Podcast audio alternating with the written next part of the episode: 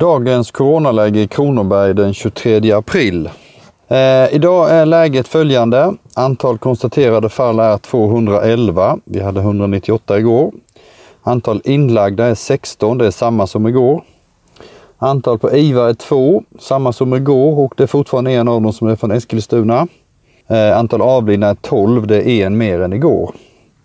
Läget känns fortfarande stabilt. Eh, vi ser en uppåtgående trend gällande antalet konstaterade fall eh, och det är tyvärr inom äldreomsorgen vi hittar de flesta. När vi tittar på våra kurvor, när vi jämför oss med andra regioner så ser vi att vi följer deras kurvor ganska väl gällande antalet avlidna. Men vi ligger lågt på antal inlagda på sjukhus. Eh, min tolkning är att vi och kommunerna här i regionen är mycket bättre än många andra på att vårda våra äldre i hemmet och på särskilt boende.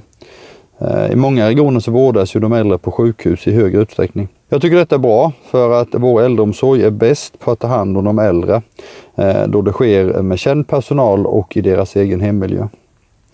Vi har även sett en del spännande statistik gällande läkarbesök. Vi ser att akuta besök till läkare har minskat med cirka 20 procent under coronakrisen och samtidigt ökar antalet distansbesök jättesnabbt. Detta är naturligtvis någonting som vi kommer att ha nytta av och ha med oss även efter krisen.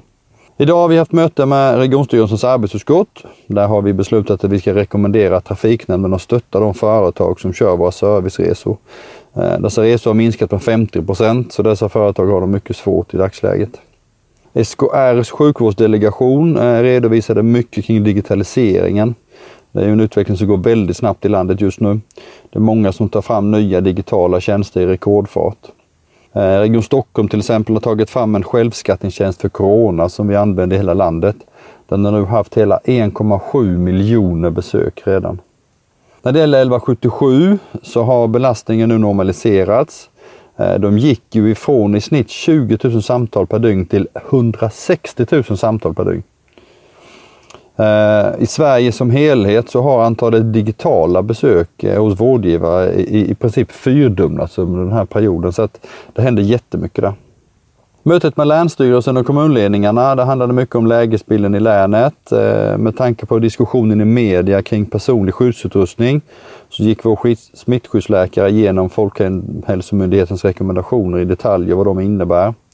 Eh, regionen har nu givit både munskydd och visir till Länsstyrelsen som kommunerna kan rekvirera av vid behov.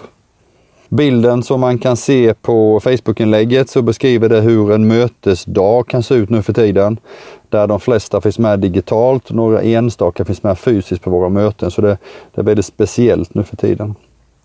Med tanke på att vi nu är på väg upp i vår kurva så glöm inte bort, tvätta händerna och håll avstånden och håll er friska. Tack för idag!